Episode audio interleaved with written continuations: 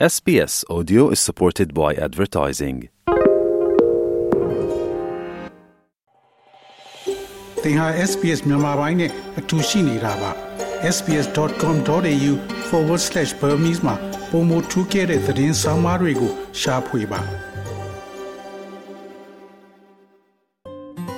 SBS မြန်မာပိုင်းကို အင်ကာနဲ့စနေနေ့ည10:00နာရီမှနားဆင်နိုင်တယ်လို့အွန်လိုင်းကနေလည်းအချိန်မီနားဆင်နိုင်ပါပြီ။ ပြီးခဲ့တဲ့၃နှစ်ဒီလိုရက်ကစတင်ခဲ့တဲ့စစ်အာဏာရှင်စနစ်ကိုတွန်းလှန်နေစေຫນွေဦးကျော်လန်ရေးဟာ၃နှစ်ပြည့်ချိန်မှာတော့မှတ်တိုင်တစ်ခုကိုဖျက်ဆီးနိုင်ခဲ့ပါပြီ။စစ်တပ်အာဏာသိမ်းထားတဲ့ကာလအတွင်းအဖက်ဖက်ကကြာဆင်းနေတဲ့ကြားအကြီးမားဆုံးပြောင်းလဲမှုလို့ဆိုရင်စစ်ရေးကဏ္ဍကိုထောက်ပြရမှာပါ။ အာနာစသိန်းနဲ့2021ဖေဖော်ဝါရီလအတွင်းမှာပဲငင်းချမ်းစွာဆန္ဒပြထုတ်ဖော်တဲ့ပြည်သူတွေကိုစစ်တပ်ကအကြမ်းဖက်ဖိနှိပ်ဖြိုခွင်းခဲ့ရကစားလို့မြန်မာပြည်အနှံ့သွေးချောင်းစီးမှုတွေဖြစ်ပေါ်ခဲ့ပါတယ်။အဲ့ဒီနောက်မှာတော့တိုင်းသားလက်နက်ကင်နေမိတဲ့နေပယ်ဆောင်ကလူငယ်တွေနဲ့ပြည်သူတွေဟာလက်နက်ကင်တော်လှန်ရေးရဲ့မျိုးဆက်တွေအဖြစ်ပေါ်ထွက်ခဲ့ပါတယ်။ လက်ရှိအချိန်မှာတော့မြို့သိမ်းတိုက်ပွဲစခန်းသိမ်းတိုက်ပွဲတွေကြားစစ်ကောင်စီတပ်ဖွဲ့ဝင်တွေလက်နက်ချအလင်းဝင်လာမှုနဲ့အတူစစ်လေရင်တွေကိုပစ်ချနိုင်မှုတွေကစစ်ကောင်စီကိုအထိနာစေတဲ့ပြရုပ်တွေဖြစ်ခဲ့ပါတယ်။စစ်ကောင်စီရဲ့အခြေအနေကပြီးခဲ့တဲ့နှစ်နှစ်တာမှမတိတာခဲ့ပေမဲ့၃နှစ်ပြည့်ကန်ဒီရှမ်းမြောက်ဒေသကစတင်တဲ့10-20ခွန်စစ်စင်ရေးကစလို့တည်တာထင်ရှားခဲ့တာပါ။ 10-20ခွန်စစ်စင်ရေး3လအတွင်းရှမ်းမြောက်အပါအဝင်ရခိုင်ချင်းကရင်နီစကိုင်းတိုင်းတို့မှာမြို့ပေါင်း30ကျော်ကိုလက်နက်ကင်အင်အားစုတွေဘက်ကတင်ပိုက်နိုင်ခဲ့ပါတယ်။ဒါပြင်တပ်စခန်း900ကျော်နဲ့အမေရိကန်ဒေါ်လာဘီလီယံချီတန်ဖိုးရှိတဲ့လက်နက်အများအပြားကိုလည်းတင်စီရမိခဲ့ပါတယ်။ အဲ့ဒီအခြေအနေတွေပေါ်အခြေခံပြီးစစ်ကောင်စီကြာဆုံးခံနေလာပြီလို့စစ်ဘက်ဆိုင်ရာကျွမ်းကျင်သူတွေရဲ့သုံးသပ်ပြောဆိုမှုတွေလည်းရှိနေပါတယ်။ CDM ဘိုကြီးစင်ရောကကျွန်တော်တို့ဒီ2023အနှောင်းပိုင်းကနေစလိုက်ရမယ်ဆိုရင်တော့စစ်တပ်ကတကယ်ကိုစစ်ရှုံးသွားပြီပေါ့နော်။တစ်ချိန်တော့ဆိုကျွန်တော်တို့ကြားခဲ့ဘူးတာပေါ့နော်။စစ်တပ်ဆိုတာလက်နက်ချတယ်ဆိုတာမရှိဘူးပေါ့နော်။အဲကြည်တောင်လူတွေရောင်းလည်းပဲချကြတယ်။မင်းအောင်လိုင်းလက်ထက်စစ်အစိုးရရဲ့အောက်မှာစစ်ရေးအရာ လုံးဝကိုဆုံးရှုံးမှုတွေဖြစ်သွားတာအဓိကကတော့ပထမတစ်ချက်ကပေါ့နော်ပြည်သူနဲ့ဖက်ပြိုင်ပြီးတော့တိုက်ရတဲ့စစ်ဖြစ်တယ်ပြည်သူတရားလုံးထောက်ခံတဲ့စစ်ဖြစ်လို့ဒါစစ်တပ်ရဲ့သူသူ့ဟာသူလက်နက်တွေဘလောက်ပဲတုံးတုံးပေါ့နော်အကြောက်တရားမရှိတော့ဘူးဘာဖြစ်လို့လဲတစ်စလုံးကြောက်လာတာအဲဒါဒီအချိန်တွေရောက်မှတော့ဘာမှမထူးဘူးပေါ့နော်ပြည်သူတွေကလည်းသူတို့ဒီဟိုယွန်ရှာမုန်းတီးတဲ့အနေထားကိုရောက်သွားတာပေါ့စစ်ရေးအရာတော့ဒါစစ်တပ်က၃နှစ်ပြည့်တဲ့အချိန်မှာပေါ့နော်စစ်တပ်က စစ်ကိုရှုံးကိုရှုံးနေပြီလို့ဒါပြောချင်တယ်ဗျဟုတ်အခုနှစ်စဇန်နဝါရီလအတွင်းမှာပဲခက်စိတ်စိတ်မြင်တွေ့လာရတာကစစ်ကောင်စီတပ်လေရင်တွေကိုလက်နက်ကင်ဖွဲ့အသီးသီးရဲ့ပစ်ချနိုင်မှုတွေပါပြီးခဲ့တဲ့29ရက်ကလည်းစစ်ကောင်စီရဲ့ရဟတ်ရင်တစင်းကိုကရင်ပြည်နယ်မြောက်ရီမြို့အနီးတင်ငန်းညီနောင်မှာကော်ဘရာစစ်ကြောင်းကပစ်ချနိုင်ခဲ့ပါတယ်အာနာသိန်းကာလာ၃နှစ်အတွင်းကချင်လွတ်လပ်ရေးတပ်မတော် KIA ကစစ်ကောင်စီလေရင်၃စင်း ကရင်နီလက်နက်ကိုင်အင်အားစုတွေကနှစ်စင်းကရင်ပြည်ဘက်မှာတစင်းအပါအဝင်ရဟရင်နဲ့လေရင်ခုနှစ်စင်းစစ်ကောင်စီဘက်ကဆုံးရှုံးခဲ့တာပါတမုံငွေရလဲအမေရိကန်ဒေါ်လာ122တန်ဆုံးရှုံးခဲ့တယ်လို့သိရပါတယ်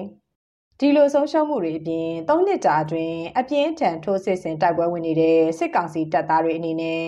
စစ်ပန်းလာပြီးစိတ်တိုက်ပိုင်းဆိုင်ရာအကြဆင်းမှုတွေလည်းရှိနေပြီလို့စစ်တပ် CDM အတိုင်းဝိုင်းကထောက်ပြကြပါတယ်။ ပြည်ဦးလင်နဲ့15မိုင်အကွာစစ်ကောင်စီရဲ့တန်ဖိုးစကန်သိန်းတိုက်ပွဲအတွင်းတအားမျိုးသားလူမျိုးရေးတပ်မတော် TNL ကဖမ်းဆီးခဲ့တဲ့ဒုတိယဗိုလ်မှူးကြီးတက်အောင်ကတော့မျော်လင့်မချတဲ့စစ်တပ်ရဲ့ရှုံးနိမှုတွေကိုမြင်တွေ့ခဲ့ရတယ်လို့ဆိုပါတယ်။အာတထောင်တို့တနက်ကလေးတွေအဲ BBC နဲ့လှုပ်ထားတဲ့မိုင်းလေးတွေ drop ဘုံကျဲတဲ့ဆိုလဲ BBC နဲ့ဟာလေးတွေအဲ့ဒီကြည့်ပြီးတော့ရည်ကျင်တယ်ဗျ။အာစိန်ကြောင်းနေပြစ်ကြတယ်ဟာပြောင်းကွဲပြီးတော့တည်တော့မှာပဲ။အဲ့လိုမျိုးကိုတခါလေကျတော့တွေးမိတယ်ဗျ။ချီးကျူးစရာကောင်းတာတခုကတော့သူမထင်မှတ်တဲ့ အရွေ့တစ်ခုကတော်တော်ကြီးမြင်မြန်ဆန်ဆန်ဖြစ်သွားတယ်ဗျသုံးနှစ်လောက်အတွင်းမှာပေါ့နော်အဓိကကတော့ပြည်သူလူထုရဲ့ထောက်ခံအားပေးမှုပေါ့အဖွဲ့အစည်းတစ်ခုကရှေ့ဝုန်းဆိုချက်ချင်းတိုးပြီးတော့တက်လာတယ်ဗျနေမြေသိမ့်တိုက်ပွဲတွေရောဘာတွေရောမျိုးသိမ့်တိုက်ပွဲတွေရောအကုန်လုံးဖြစ်လာတယ်ဗျဟောဘာကြောင့်ဖြစ်လာလဲဆိုတော့အကုန်လုံးနဲ့ဟန်ချက်ညီညီပေါ့ဗျတိုင်းရင်းသားအဖွဲ့အစည်းတွေရောတိုင်းရင်းသားလက်နက်ကိုင်အဖွဲ့အစည်းတွေရောဘာအားလုံးအကုန်လုံးနဲ့ပေါင်းလိုက်ပြီးတော့ညီညီညွတ်ညွတ်နှွဲလိုက်တဲ့အချိန်မှာဘာဖြစ်လာလဲဆိုတော့မထင်မှတ်တဲ့အရွေ့အရွေ့တွေဖြစ်လာတယ်ဗျအဲအဲ့လိုတက်တွေရဲ့အစုလိုက်အပြုံလိုက်လက်နဲ့ချတဲ့ဟာမျိုးတို့ အဲ့ဒါမျိုးတော့ကျွန်တော်တခါမှတော့မတွေးမိဘူးပေါ့နော်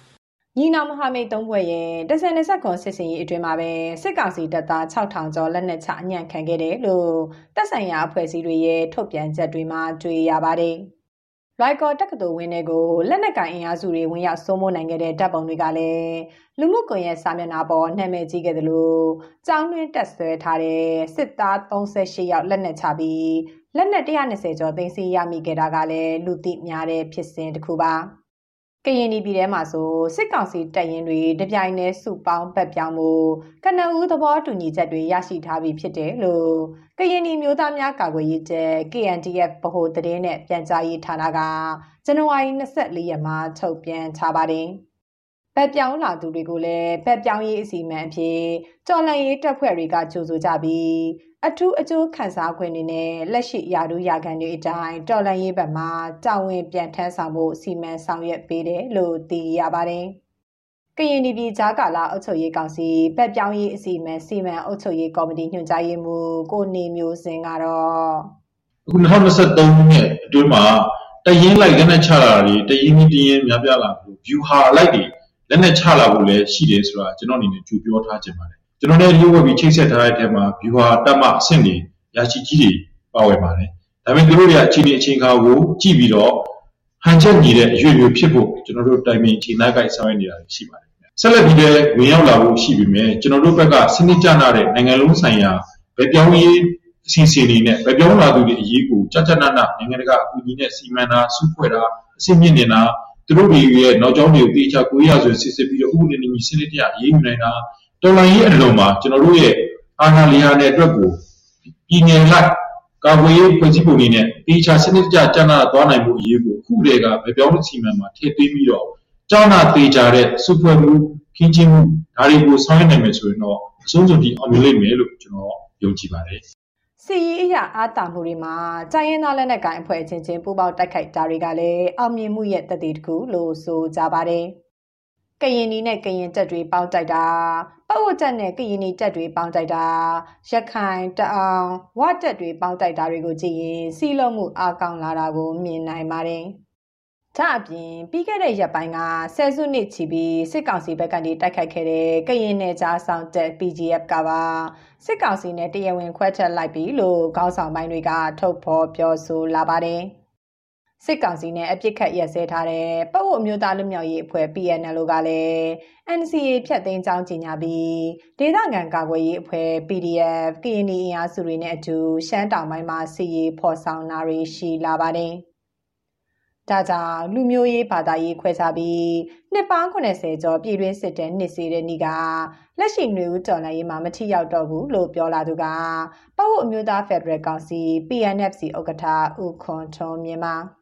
ငြိမ်းပြိပခါဖြစ်အောင်ခရိယန်နဲ့ဗုဒ္ဓဘာသာကြားပြိပခါပြောတာတွေကိုဒါကြောင်းပဲတမင်ဖန်တီးလုပ်ခဲ့တာမြင်ရမှာဖြစ်ပါတယ်အခုလက်ရှိအခြေအနေမှာလည်းပဲကျွန်တော်တို့ဒါ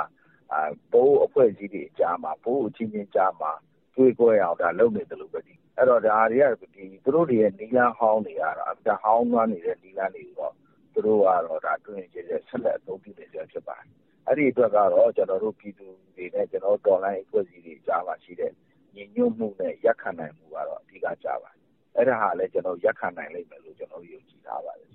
တော်လိုင်းအင်အားစုတွေနဲ့တိုင်းရင်းသားလက်နက်ကိုင်အဖွဲ့တွေတပြိုင်တည်းပူးပေါင်းတိုက်ရင်ဒီနှစ်ဟာစီရေးအဆုံးသတ်နှစ်ဖြစ်နိုင်မယ်လို့ထိပ်သီးလက်နက်ကိုင်ခေါင်းဆောင်တချို့ကသုံးသပ်ကြပါတယ်။တော်လန်ရေးအစိုးရတရက်ဖြစ်တဲ့ဂျာကာလာအမျိုးသားညီညွတ်ရေးအစိုးရ NUG အနေနဲ့လည်းတိုင်းရင်းသားလက်နက်ကိုင်အဖွဲ့တွေနဲ့သဘောတူညီမှုပိုရအောင်လုပ်ဖို့တိုက်တွန်းမှုတွေလည်းရှိနေပါတယ်။ လက်ရှိအာဏာသိမ်းကာလ၃နှစ်အတွင်းမှာတော့နိုင်ငံအနှံလူပေါင်း8000ကျော်သေဆုံးခဲ့ရသလို9သန်းကျော်ဟာလည်းအိုးအိမ်ဆွန်ခွာထွက်ပြေးတိမ်းရှောင်နေရတယ်လို့မြမမဟာဗျူဟာနဲ့မူဝါဒလေ့လာရေး Institute ISP စီရင်တွေအရသိရပါတယ်။ပြည်သူ2000ကျော်ဟာလည်းထောင်တကားတွေနောက်မှာဖမ်းဆီးထိန်းသိမ်းခံနေရတယ်လို့နိုင်ငံရေးကျင်းသားများကူညီဆောက်ရှောက်ရေးအသင်း AAPP ကထုတ်ပြန်ထားပါတယ်။ Data for မြန်မာစီးရင်တွေအရနိုင်ငံအနှံနေအိမ်8000နီးပါးဟာလည်းမိရှို့ဖျက်ဆီးခံထားရပါတယ်။ဒီလိုစစ်ရဲ့ဆိုးကျိုးတွေကိုခန်းစားနေကြရတဲ့ပြည်သူတွေကတော့အာဏာရှင်စနစ်ချုပ်ငြိမ်းပြီးစစ်မှန်တဲ့ငြိမ်းချမ်းရေးကိုသာလိုလားနေကြတာပါ။ဒီတွေအန်ယူဂျီကာကွယ်ရေးဒုတိယအကျဉ်းဝင်ဦးမောင်မောင်ဆွေကတော့ကြော်လရေးကာလအမြန်ပြီးဖို့လက်နက်ကင်အင်အားစုမဟာမိတ်တွေရဲ့ယုံကြည်မှုပိုရအောင်ဆောင်ရွက်သွားမယ်လို့ဆိုပါတယ်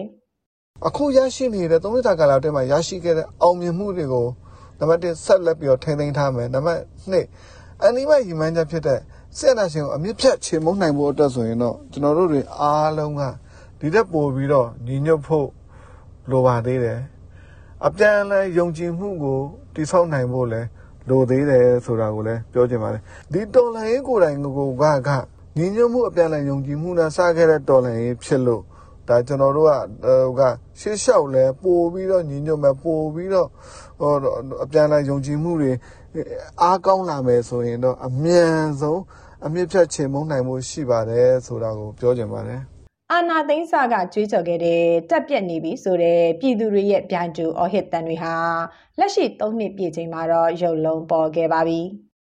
ပြည်သူတွေရဲ့ပါဝင်မှုကအားတစ်ခုလို့ဆိုကြသလိုပြည်သူထောက်ခံမှုရတာချင်းကွာတဲ့စစ်အာဏာရှင်နဲ့တိုက်ခိုက်အင်အားစုတွေရဲ့အောင်မြင်မှုဟာလည်းကွာခြားခဲ့ပါပြီ။၃နှစ်ပြည့်လွန်ခဲ့တဲ့အာနာသိန်းရက်ဆွဲတဲ့စီရေးအတာမှုတွေနဲ့အတူတော်လှန်ရေးပန်းနိုင်စီနိကတ်လာဖို့ကသာပြည်သူတွေရဲ့မျှော်လင့်ချက်ရောင်ချီဖြစ်လို့နေတာပါဒီသတင်းဆောင်မကိုတန်လွင်ခက်ကပေးပို့ထားတာဖြစ်ပါတယ် SBS မြန်မာပိုင်းကိုနားဆင်ရတာနှစ်သက်ပါတလား Facebook မှာဆွေးနွေးမှုတွေကိုဆက်ကြရအောင်ပါ SBS မြန်မာပိုင်း Facebook ကို Like လုပ်ပြီးတော့သင်ချင်တဲ့ချက်ကိုမျှဝေနိုင်ပါတယ်။ SBS Bemis ကို Facebook မှာ Share ကြည့်နိုင်ပါတယ်ရှင်။